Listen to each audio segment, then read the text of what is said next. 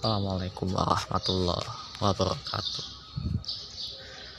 Alhamdulillahirrahmanirrahim Alhamdulillahillazi Anzala ala abdihil kitabah Walam yaja'allahu wajah Segala puji bagi Allah subhanahu wa ta'ala Yang telah menguatkan kita dengan nikmat iman Islam. Sehingga Alhamdulillah dengan izin Allah subhanahu wa ta'ala kita dimampukan untuk bisa menjalankan sholat subuh berjamaah pada hari ini. Dan orang-orang yang dan alhamdulillah pertemukan kita kembali dalam taklim subuh insya Allah semoga kita semua senantiasa istiqomah mengerjakan perintah Allah dan menjauhi larangannya. Dan semoga orang yang belum diberi hidayah yang belum bertobat baik dari kalangan keluarga kita, saudara kita, sahabat-sahabat kita, tetangga-tetangga kita, atau mungkin orang-orang yang belum kita kenal. Semoga Allah berikan hidayah kembali ke jalan yang diridhoi oleh Allah Subhanahu wa taala. Amin ya rabbal alamin. Dan jangan lupa mari kita ucapkan salawat dan salam kepada junjungan Nabi besar kita yakni Nabi Muhammad SAW beserta para keluarganya, para sahabatnya, dan orang-orang yang senantiasa berjalan istiqomah di bawah naungan sunnah Nabi Muhammad SAW hingga akhir hayatnya. Hadirin Allah muliakan kita masih bersama Al Imam An Nawawi rahimahumullah melalui karya beliau yakni kitab Riyadus Solihin. Semoga Allah merahmati beliau keluarganya, orang tua beliau, guru-guru beliau, murid-murid beliau, orang-orang yang beliau cintai dan juga seluruh kaum muslimin di mana pun berada. Hadirin Allah muliakan kita masih berada di bab ke-10 Kemar baru kemarin kita berada di bab ini kemarin kita baca dalil surat Al-Baqarah ayat 148 fastabiqul khairat berlomba-lombalah kalian dalam kebaikan. Begitu. Dan kemarin kita membahas enam faidah. Dua di antaranya sudah disampaikan kemarin ya. Dan insya Allah hari ini kita akan membahas sisa yang belum kita bahas tentang faedah bergegas dalam melakukan kebaikan. Bab ke-10 ini adalah bab tentang bergegas melakukan kebaikan. Begitu. Ya kalau mau pakai kata simple perlombaan. Perlombaan dalam beramal soleh berlomba dalam memperbaiki amal soleh memperbaiki sholat misalnya. Sholatnya bisa jadi lebih tepat waktu nggak lagi masbuk. Baca Al-Quran hafalan Quran atau berlomba dalam urusan infak misalnya dan lain sebagainya ya. Amal soleh bisa diperlombakan walaupun secara umum kalau kita bicara perlombaan dalam urusan akhirat kebanyakan hanya tiga ranah ya yang mungkin kita kenal. Yaitu masalah infak sodakoh gitu ya. Lalu sholat siapa yang bisa tepat waktu datang ke masjid dan sholat di saf pertama. Barangkali kalau ada ya. Ataupun dalam urusan hafalan Quran. Nah ini yang paling banyak biasanya hafalan Quran. Berlomba dalam menghatamkan Al-Quran. Sebulan berapa kali? Ada yang satu bulan satu juz eh ada yang satu bulan saat 30 juz. Ada yang khatam Al-Quran satu kali dalam sebulan. Ada yang dua kali tiga kali empat kali dalam sebulan dan seterusnya. Intinya adalah perlombaan yang membuat kita termotivasi dalam memperbaiki amal soleh kita semakin lebih baik. Jadi bab ke-10 ini bab yang mengcover 9 bab yang sudah kita bahas. Walaupun di podcast ini memang saya masukkan bab sabar dan takwa saja ya dan juga tawakal lalu istiqomah tafakur dan hari ini tetap bergegas dalam melakukan kebaikan. Gitu. Tapi insya Allah bisa beli kitabnya ya. Di beberapa marketplace yang terkenal tentunya. Berapapun beli ya terlepas dari perbedaan harga insya Allah itu akan insya Allah yang akan kita ambil manfaatnya adalah ilmunya tentunya ya mungkin itu pengantar hari ini dan kita tanpa basa-basi lagi kita akan bahas faedah ketiga dari berlomba dalam beramal soleh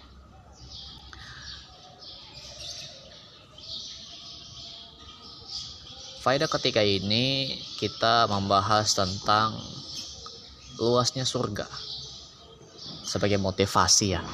Motivasi bagi yang berlomba-lomba dalam melakukan kebajikan, kebaikan, beramal soleh. Dan secara umum manusia itu sifatnya oportunis, mau bergerak karena ada suatu hal yang menguntungkan. Gitu. Maksudnya gimana sih? Ya seseorang tidak akan melakukan sesuatu sampai apa yang dilakukannya itu dirasa bermanfaat bagi manusia. Walaupun oportunis ini bukan bukan kalimat yang baik ya. Karena ini mah pilih-pilih namanya oportunis ini. Secara manusiawinya yang tidak beriman pun punya sifat ini. Untungnya buat saya apa kalau saya kerjain amalan ini kalau saya kerjain sesuatu apa untungnya buat saya? Gitu. Kita semua sepakat. Orang mencari pekerjaan dan memilih suatu tempat pekerjaan itu dikarenakan ada suatu keuntungan yang biasa dia dapatkan dan masing-masing orang punya kriteria tersendiri dalam masalah itu. Jadi sifatnya relatif. Apa yang menguntungkan bagi kita belum tentu untuk yang lain. Itu relatif. Dalam hal dunia saja ya. Gitu. Dalam hal dunia saja kita sudah tentunya memahami hal ini. Ada yang bilang saya mah untungnya bisa kerja di minimarket alasannya saya kalau jadi kasir tinggal layan-layanin doang. Nggak mesti nggak mesti apa namanya keliling ke sana kemari kayak sales buat nyari pembeli. Atau ada sebagian yang merasa menguntungkan jadi sales karena dia melihat keuntungan dari sisi pengalaman yang bisa dia dapatkan.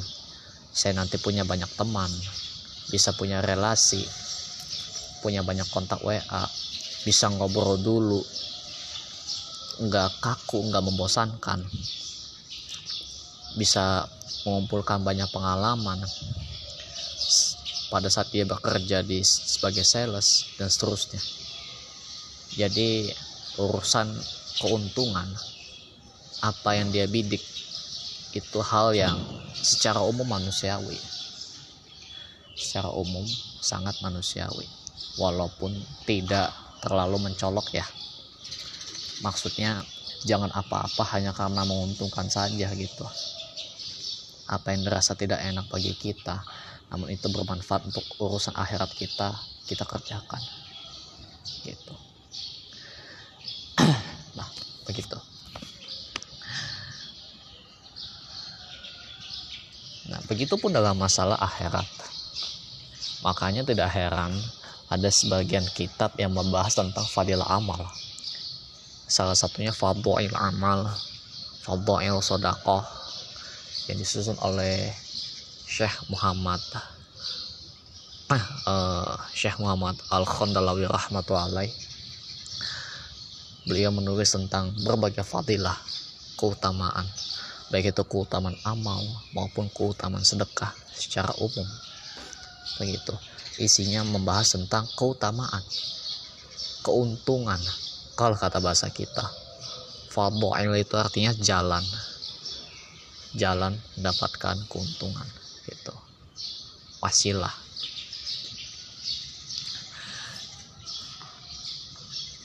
Dan yang akan kita bahas adalah tentang luasnya surga. Sebagai motivasi orang beriman dalam beramal soleh. Bagaimana luasnya surga? Lihatlah keterangan dalam ayat yang kemarin kita baca di surat surat apa hadirin?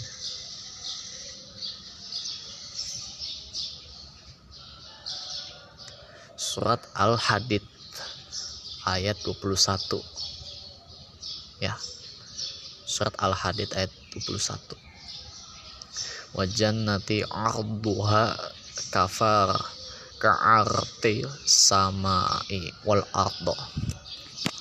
Dan surga yang luasnya seluas langit dan bumi. Asyaukani rahimahumullah mengatakan tentang penggalan ayat ini. Jika luas surga saja seluas langit dan bumi lantas bagaimanakah lagi dengan panjangnya? Gitu demikianlah luasnya surga maksudnya gini hanya dengan menyebutkan luasnya atau bahasa lainnya lebar maka bagaimana dengan panjangnya itu sangat luar biasa kita diberi masing-masing orang beriman surga seluas langit dan bumi. Itu untuk kita sendiri, oh hadirin. Hadiah itu untuk kita sendiri. Bukan dibagi bukan dibagi seper orang berapa gitu. Namun sedikit yang mengetahui hal ini. Sehingga lihatlah sendiri bagaimana dunia begitu dikejar dibanding akhirat. Padahal jauh sekali antara kenikmatan surga dibanding dunia. Kita menikmati dunia sekaya apa pun mungkin hanya menguasai satu rumah di lingkungan kita saja kita punya mobil iya banyak namun itu hanya memenuhi beberapa tempat saja. Kita nggak punya rumah di semua tempat titik-titik di seluruh dunia. Gitu. Sekaya-kayanya kita, kita tidak menguasai tempat milik penduduk bumi yang lain. Gitu. Semakmur-makmurnya kita, ya hanya beberapa meter aja kita punya kekayaan gitu sekaya-kayanya kita tidak ada yang memiliki bumi ini seutuhnya jadi satu milik kita itu dunia tuh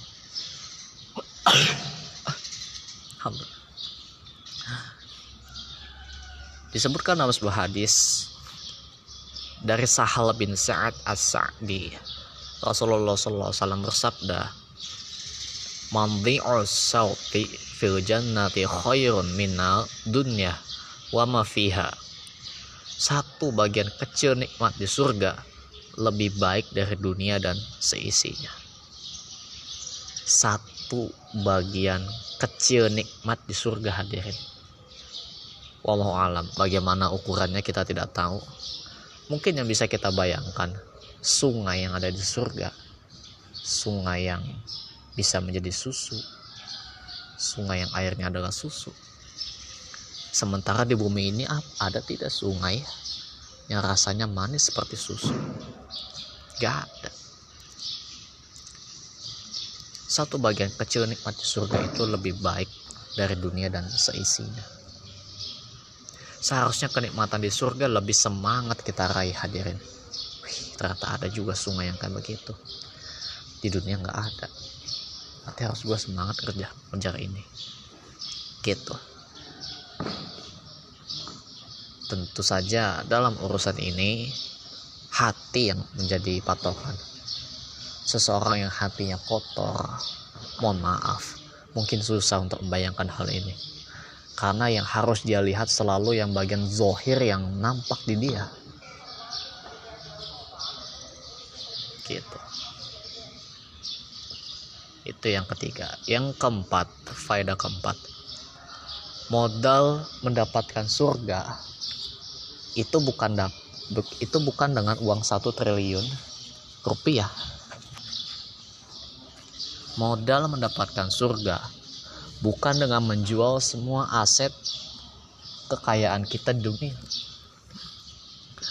Modal mendapatkan surga bukan dengan hal yang sifatnya kita pegang di dunia ini. Modal surga cukup dengan beriman pada Allah dan Rasulnya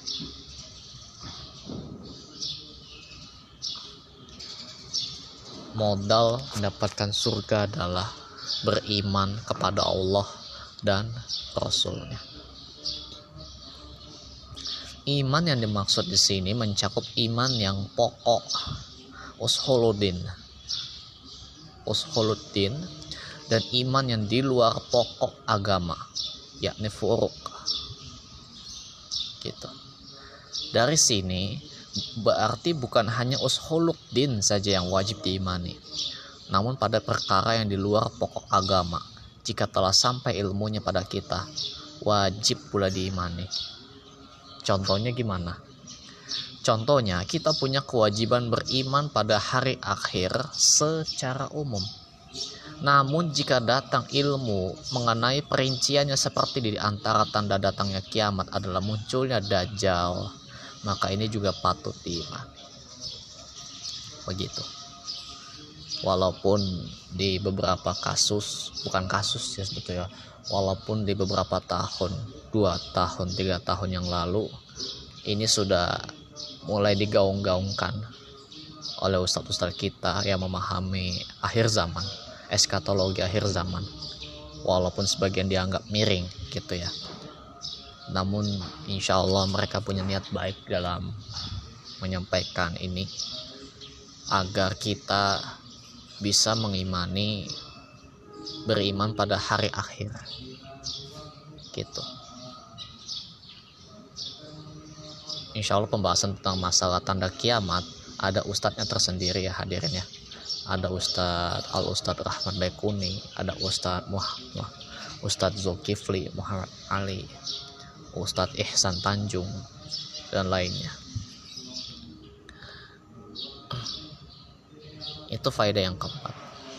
Yang kelima seseorang tidak memasuki surga melainkan dengan rahmat Allah Subhanahu wa taala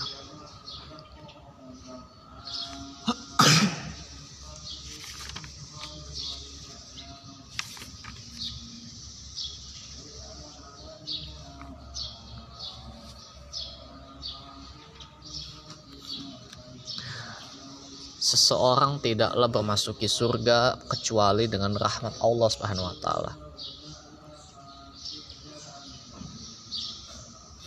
Sebagaimana pula disebutkan dalam hadis yang sebetulnya hadis ini ada dalam bab istiqomah yang kemarin dari Abu Hurairah radhiyallahu anhu. Kita akan coba baca ulang. Qoribu wasaddid wasaddidu wa'lamu annahu lan yanjuwa ahadun minkum bi'amalih.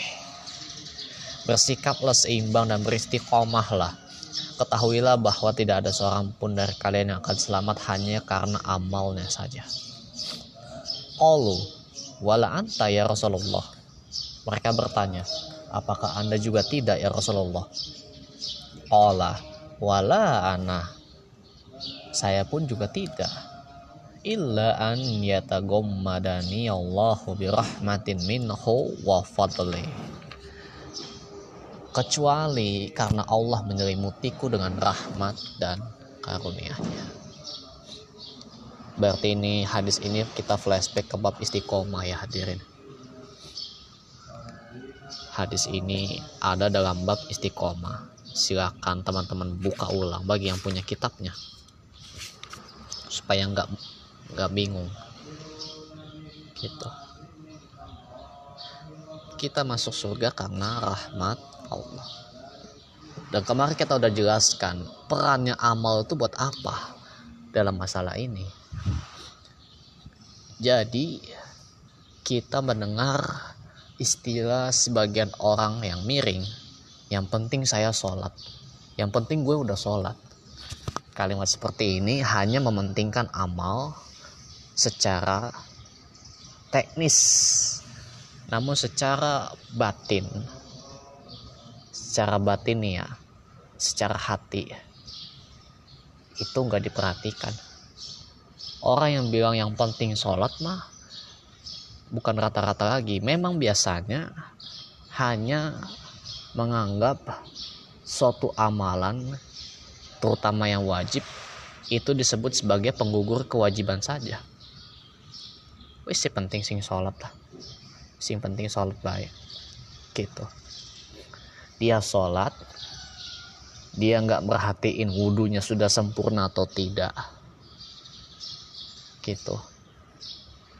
Terus dia sholat tapi dia nggak paham maknanya.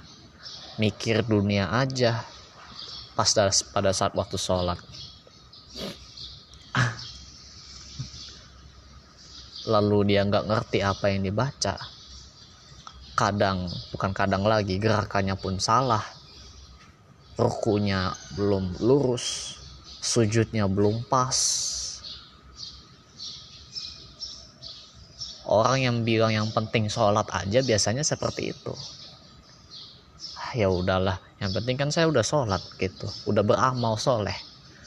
Bilangnya udah beramal soleh namun dia nggak memperhatikan bagaimana ibadahnya itu agar bisa diterima oleh Allah Subhanahu wa taala. Itulah yang hanya merasa bahwa hanya dengan beramal seseorang masuk surga. Lalu rahmat masuk surga karena rahmat Allah itu apa maksudnya? Maksudnya adalah seseorang dalam beramal soleh itu pasti ada andil pertolongan Allah Subhanahu wa taala. Hal ini membuat kita peka, ngerti. Saya bisa gerak datang ke masjid ini pasti Allah bantu saya. Kalau Allah nggak ingatkan saya melalui azan, atau lewat ketakutan saya akan neraka, mana mungkin saya bisa sholat. Pasti Allah yang menolong saya. Kadang saya lagi lupa misalnya. Tapi ternyata saya keinget waktu sholat gara-gara ada ancaman bagi yang menunda-nunda sholat. Fawailun lil musallin. Celaka bagi orang yang sholat. Orang yang sholat aja masih celaka ya. Gimana yang gak sholat? Makanya saya harus perhatikan kualitas sholat saya. Saya harus datang tepat waktu dah pokoknya wudhu disiapin biar gak buru-buru terus saya harus perhatiin gerakan sholat saya begitu di saat dia berpikir demikian sebetulnya Allah sedang menanamkan rahmat kepada dia agar orang tersebut beramal sesuai dengan tuntunan. Ya nantinya Allah akan berikan pertolongan agar amal tersebut bisa berjalan dengan baik. Gitu seorang muslim beramal ada andil pertolongan Allah. Dan itulah salah satu bentuk rahmat Allah kasih sayang Allah. Agar Allah menjauhkan dia dari sifat lalai. Kalau Allah tidak tolong dia dengan rahmat ya mungkin orang itu ngelewes baik. Melempang baik. Wes lah orang sholat. Gak ada getaran ketika dengar azan. Kuping seakan-akan budek. Padahal dengar tapi dia malas meresponnya itu. Nah itu bentuk dia tidak dirahmati Allah. Dalam urusan beramal soleh misalnya ya. Lalu ada peran keikhlasan. Walaupun ini sebetulnya harusnya kita buka rekaman kemarin ya. Ini untuk pengantar ulang ya. Ini untuk mengingatkan ulang. Lalu di sana ada peran keikhlasan seseorang sudah beramal namun tidak ikhlas maka tidak diterima. Sedangkan rukun diterimanya amal soleh ada dua yaitu ikhlas dan satunya harus sesuai dengan tuntunan Nabi Muhammad Sallallahu Alaihi Wasallam. Salah satu tidak berjalan mohon maaf hadirin jangankan kata saya jangankan kata ustadz Allah menganggap amal tersebut tertolak tidak diterima jadi boro-boro mikir amal diterima. Salah satunya saja miss. Ada orang yang ikhlas namun caranya tidak benar dalam beramal soleh. Begitupun sebaliknya. Ada yang caranya sudah benar sempurna secara teknis secara zohir namun secara batin dia malah kufur lalai tidak ikhlas mengharap pujian manusia makanya dua-duanya harus sinkron harus seimbang makanya perintah hadisnya tadi bersikap seimbanglah dan beristiqomah dan seimbang itu bukan urusan kuantitas, tapi juga kualitasnya. Perhatikan. Jangan kita pada urusan dunia totalitasnya minta ampun. Urusan akhirat melewes baik. Ngelemos baik. Gitu ya. Tapi saya udah capek bang gak kerja. Hadirin, orang mager juga capek sekalinya bangun badan sakit geraknya orang mager tuh sekali gerak capek sama ngapain dijadikan sebagai alasan menjustifikasi diri membela diri dalam urusan ini? Semua juga capek hadirin. Memang dunia itu tempatnya capek. Dan di situlah peran ujian. Di situlah peran adanya balasan amal soleh yaitu surga. Makanya hadiahnya surga hadirin, bukan kipas angin. bukan kipas angin. Di situlah mengapa ada sebagai manusia yang berusaha mengorbankan dunianya untuk mendapatkan akhirat. Namun kebanyakan dari kita malah kebalikannya, mengorbankan akhirat untuk urusan dunia semata yang nilainya jauh lebih kecil. Dan lagi-lagi kita bicara tentang masalah bergegas melakukan kebaikannya ini Orang tidak mau bergegas melakukan kebaikan karena urusan hatinya lagi. Sumeh, nggak tahu keutamaannya. Yang lebih utama tuh apa sebetulnya? Begitu. Tadi hadis tadi berbicara tentang masuk surga karena rahmat Allah Subhanahu wa taala. Nah, sedangkan Allah Subhanahu wa taala berfirman, "Wa jannati arduha ka'ardi samawati wal ardi uiddat lil ladzina amanu billahi wa rusulih." Surga yang lebarnya selebar langit dan bumi yang disediakan bagi orang-orang yang beriman kepada Allah dan Rasul-Rasulnya. Mungkin ayat ini dapat dipahami bahwa seseorang memasuki surga karena amalannya yaitu beriman pada Allah dan Rasulnya. Terus bagaimana ngejelaskannya? Sebetulnya lagi-lagi pembahasan tentang hal ini sudah disampaikan kemarin di bab istiqomah. Dalam hadis tadi sudah kita sampaikan sebetulnya. Namun kita review ulang. Ada beberapa penjelasan ulama mengenai hal ini. Ada empat poin. Saya persingkat yang dimaksud seseorang tidak masuk surga dengan amalnya adalah tidak ada masuk surga hanya karena amalan doang. Hanya karena amalan doang. Maksudnya kalau bicara amalan secara bahasa itu kan perbuatan. Berarti dia beramal artinya dia sedang berbuat. Landasan dia hanya berbuat doang. Sholat itu kan amalan. Kalau yang kita lihat, dia hanya sekedar sholat aja. Maka nggak bisa dianggap dia masuk surga hanya karena sekedar sholat doang. Gitu. Namun tidak diperhatikan kualitas ibadah sholatnya tidak diperhatikan wudhunya tidak diperhatikan pula hal-hal lain yang menyangkut tentang sholat misalnya. Begitupun amalan lain. Yang kedua amalan itu sendiri tidak bisa memasukkan seseorang ke dalam surga. Kalau bukan karena karunia dan rahmat Allah tentu tidak akan bisa memasukinya. Bahkan adanya amalan juga karena sebab rahmat Allah bagi hambanya. Dan yang tadi sudah kita bilang tidak mungkin orang bisa beramal kecuali karena dia sedang diberikan pertolongan oleh Allah. Sehingga seseorang ini mau beramal soleh dan memaksimalkan peluang dia dalam beramal soleh.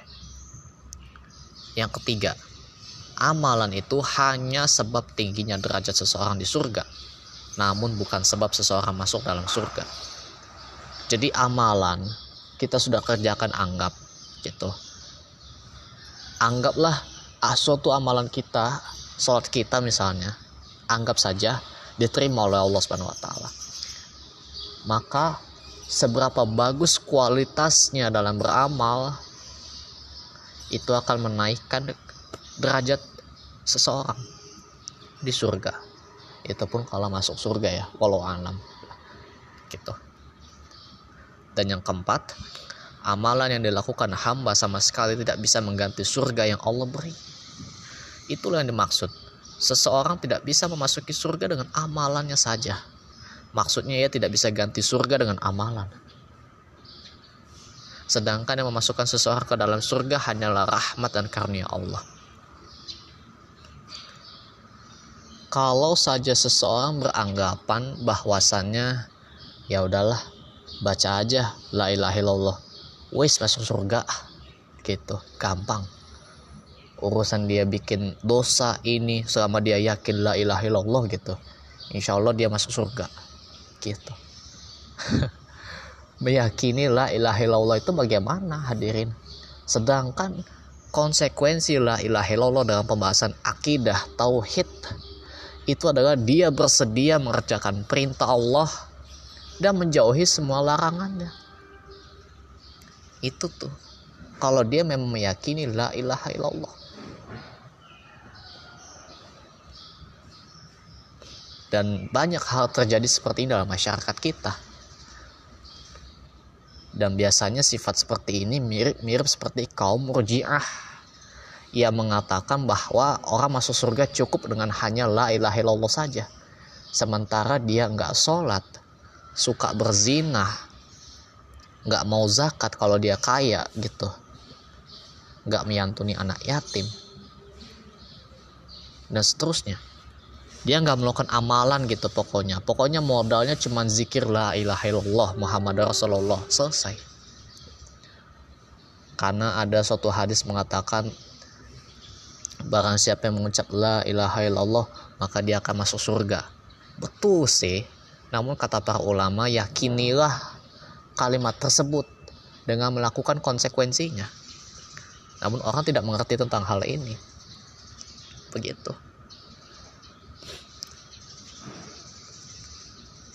Cuman gara-gara amalan mulut dia orang bisa masuk surga dengan mudah. Ya kalau kayak begitu mah kita sholat sekali seumur hidup terus kita bisa masuk surga ya nggak bisa hadirin kita hidup sudah puluhan tahun kita bukan hidup di satu hari bukan dua hari bukan tiga hari bukan empat hari bukan lima hari Makanya seseorang yang benar-benar beriman pada Allah dan Rasul, dia nggak akan main-main dalam menyiapkan, menyanyiakan waktunya. Dia nggak akan main-main dalam memakai waktunya untuk kehidupannya. Dan yang terakhir, beriman dan beramal soleh itu adalah karunia dan anugerah dari Allah Subhanahu wa taala. Dan itu sudah kita bahas ya. Itu sudah kita bahas mungkin itu yang bisa disampaikan kurang lebih yang mohon maaf dan insya Allah besok kita akan membahas satu ayat terakhir dari bab ini yaitu surat Ali Imran ayat 133 wasari'u ila magfiratin mirabbikum wa jannatin arduha samawati wal ardu uiddat lil muttaqin. Dan bersegeralah kalian mencari ampunan dari Rob kalian dan mendapatkan surga yang luasnya seluas langit dan bumi yang disediakan bagi orang-orang yang bertakwa. Di surat Ali Imran ayat 133 mungkin itu yang bisa disampaikan. Kurang lebih mohon maaf.